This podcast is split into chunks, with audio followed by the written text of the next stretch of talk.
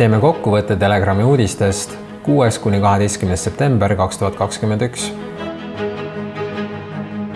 tallinlanna räägib, kuidas tema poega koroonasüsti järel elustati. kahe lapse ema Tatjana Fitania astus esimese julgena kaamera ette ja rääkis loo oma vanemast pojast, kes sai üheteistkümnendal augustil esimese Pfizeri koroonavaktsiini noormees kukkus viis minutit pärast süstimist kokku ning talle kutsuti kiirabi, kes patsienti ka elustama pidi. arst, kelle juurde noormees hiljem kontrolli läks, ütles, et see on kindlasti väga harukordne juhtum ning ta võib julgelt minna ka teist süsti tegema.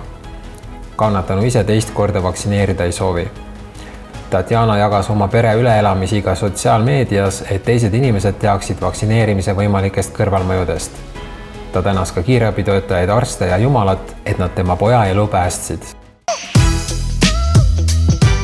Hando Tõnumaa versus professor Andres Merits. ajakirjanik üritab aru saada teadlase loogikast. Hando pidas kirjavahetust teadusnõukoja liikme Andres Meritsaga ja avaldas tema vastused täispikkuses ilma enda kommentaarideta Hando uuris muuhulgas, miks Meritsa hinnangul saab nii-öelda vabasse maailma tagasi minna ainult tänu vaktsiinidele kui isegi peavoolumeedia teatab, et vaktsineeritud inimesed on endiselt viiruse levitajad. mida vastas Merits? Need on uued CDC andmed, mis teevad ettevaatlikuks. järeldus sellest on muidugi, et tuleb kiiremini vaktsineerida ja lisaks sellele peaks ikka vaktsineeritud mõistlikke lisaabinõusid rakendama. kiirem lahendus on olemasolevate vaktsiinide efektiivsem kasutamine. kõlab absurdsena, kuid kui iga inimene, kes ennast mitte mingil juhul vaktsineerida ei taha, veenab vaktsineerimisele minema kaks-kolm oma kõhklevat tuttavat, seda rutem see murdepunkt tuleb. kui nad veenvad neid mitte vaktsineerima, lükkub asi kaugemale. loogiline, eks? USA-s Floridas ähvardab koroonapassi küsijat kuni viie tuhande dollarine trahv sel ajal, kui meil võtab võimust inimeste jagamine koroonapassi alusel haigeteks ja terveteks ehk ohtlikeks ja mitteohtlikeks, otsustas Florida kuberner Ron DeSantis, et tema osariigis diskrimineerimist ei toimu. alates kuueteistkümnendast septembrist võib ettevõtet, kes nõuab inimeselt Covid tõendit, tabada kuni viie tuhande dollarine trahv. kas koroonapassid tühistatakse? ennekuulmatu normaalsuse vale pärast vaktsineerimist. kui süsti mõju kestab kuus kuud, siis peaks ju vaktsiinipass kehtima samuti kuus kuud. aga mis saab peale kuute kuud? Kas siis on vaja järgmist süsti? kas viie aasta pärast on passis kirjas juba kümnes süst? see tähendaks igavest tsirkulatsiooni ning me ei saaks kunagi koroonast vabaks, sest vaktsiin kestab hooajast hooajani.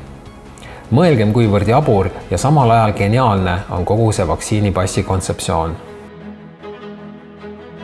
Postimees teeb jälle telegrammi. Priit Sibul, valitsuse valeinfo kiirendab viiruse levikut Isamaa fraktsiooni kuuluva poliitiku Priit Sibula sules sündinud kirjutisest valitsuse valeinfo kiirendab viiruse levikut saab välja lugeda, et ka vaktsineeritud inimene on nakkusohtlik. koroonapass ei tähenda nakkusohutuse tõendamist ja selline valitsuse valeinfo levik tuleb kiiremas korras peatada. riigikogu liiget paneb ka hämmastama, kuidas on teadusnõukoda kogu seda teatrit saanud pealt vaadata, tegemata ühtegi märkust koroonapassi totruse kohta kas teadusnõukojas ei olegi koos siis meie helgemad pead, mõtiskleb Priit Sibul. aitäh, härra Sibul, julgustame teid jänesuurus veel sügavamale piiluma. Leedus protestis koroonameetmete vastu ligi kümme tuhat inimest. kümnendal septembril protestis Vilniuse keskväljakul ligi kümme tuhat inimest. politsei sulges samal ajal kõik sissesõiduteed nii linna kui platsile, nii et veel tuhanded inimesed üldse meelt avaldama ei pääsenudki Vilniuse keskväljakul seisti koroonameetmete vastu nagu koroonapassid, näomaski kandmise kohustus koolides ja nii edasi. nimelt jõustuvad Leedus esmaspäevast uued korraldused, millega piiratakse oluliselt nende kodanike elusid, kes vaktsineerimispassi ei oma. uus meeleavaldus neljateistkümnendal septembril Riigikogus sundvaktsineerimise kriminaliseerimise eelnõu teisipäeval, neljateistkümnendal septembril läheb Riigikogus esimesele lugemisele eelnõu, millega soovitakse kriminaliseerida sundvaktsineerimine. juba aga käivad jutud, et õiguskomisjon ja mitu erakonda plaanivad eelnõu päevakorrast maha hääletada, mistõttu oodatakse kõiki, kes eelnõud pooldavad, Riigikogu ette meelt avaldama istung algab teisipäeval kell kümme hommikul ning saadikuid võib oodata juba alates kella üheksast tulge ja võtke neil nööbist kinni ning las annavad aru oma tegevuse ja plaanide osas. Miljonär Grant Cardone, kas vaja on uut nine elevenit, et rahvas tuleks kokku? ärimees kirjutab oma Instagramis, et miljoneid inimesi ähvardatakse vallandada, sest nad ei soovi endasse süstida testimisfaasis olevat vaktsiini. seekord ei ole Lähis-Idas mingit habemikku, kelle peale näpuga näidata. vaata hoopis nende suunas, kes sinuga sarnased ja kes üritavad teha sinust lollikest, sest nemad on targemad kui sina, ütleb Cardone, lisades, et vaenlane ei ole see, kellega meil on erimeelsusi, vaid see, kes meid lõhestada üritab Need olid Telegrami uudised eelmisest nädalast. tule kapist välja ka sina. me kõik teame, et see on hauks